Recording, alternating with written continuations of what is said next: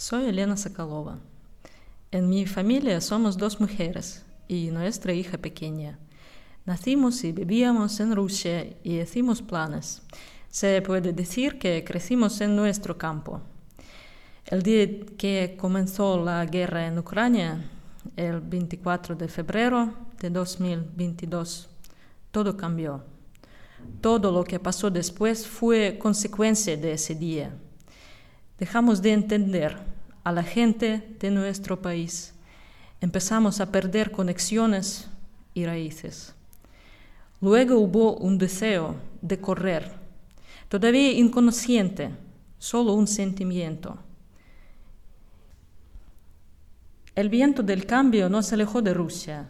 En España, extranjeras, extrañas, ligeras y frágiles, como plantas sin raíces, pero con luz en perspectiva. Sentirme como en casa es calidez, cohesión familiar и seguridad. Чувствовать себя как дома для меня — это ощущать тепло, единение моей семьи и, конечно, безопасность.